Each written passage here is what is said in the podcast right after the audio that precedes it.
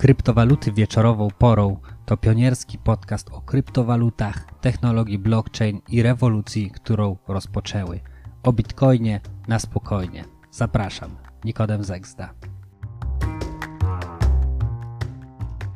Pamiętajcie również, że wszystko co powiem w tym odcinku nie jest poradą inwestycyjną, ale jest to moje prywatne zdanie.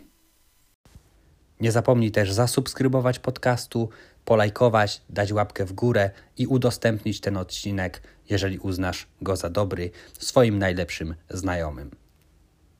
Koniecznie sprawdź także opis do tego nagrania, ponieważ znajdują się tam przydatne linki do polecanych przeze mnie najbezpieczniejszych giełd oraz dodatkowe bonusy, między innymi darmowe kryptowaluty.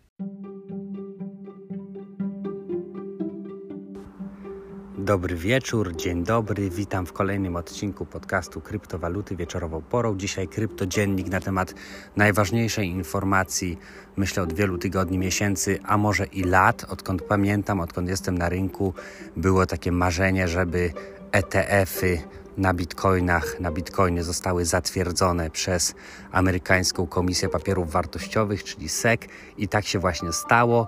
Najpierw Nasdaq wydał komunikat, że dopuszcza e, właśnie tego typu rozwiązanie ETF-y na bitcoinie, a dokładnie na kontraktach terminowych na Bitcoinie, no i później SEC to potwierdził. Więc to jest mega przełomowa informacja, która no, natychmiast uruchomiła rynek, spowodowała, że Bitcoin urósł e, momentalnie praktycznie o 10% przebił 60 tysięcy, poszedł w kierunku 64, nawet w pewnym momencie, w tym momencie jest około 62 tysięcy dolarów e, jego wartość. No i to też jest taka informacja, która w mojej ocenie gdzieś tam ten bull market, jego kolejną fazę odpala.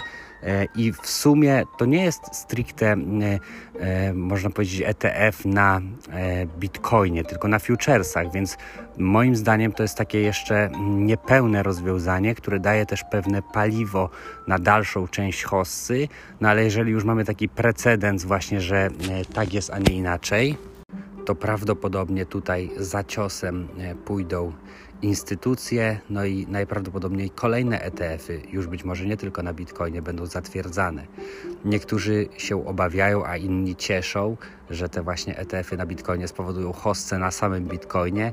Ja bym był tutaj ostrożniejszy. Zawsze dotychczas właśnie Bitcoin ciągnął za sobą alty, ale najpierw Bitcoin, później alty, więc ja nie wykonuję jakichś znaczących ruchów w moim e, portfelu e, pod hodling. E, no i co? No i chyba to by było na tyle. Dzięki za wysłuchanie. Podeślijcie ten odcinek swoim najlepszym znajomym, tych, który może zainteresować temat właśnie pomnażania swoich oszczędności przez inwestowanie w kryptowaluty, zrozumienie fundamentów, e, zrozumienie podstaw, no bo do tych osób ten właśnie podcast jest kierowany. Także trzymajcie się, dzięki, że jesteście ze mną. Ze statystyk wynika, że już 700 osób dziennie słucha podcastu, zarówno na właśnie platformach podcastowych typu Spotify, Apple Podcast i te inne, jak i na YouTubie. Także do usłyszenia i do zobaczenia. Trzymajcie się, cześć.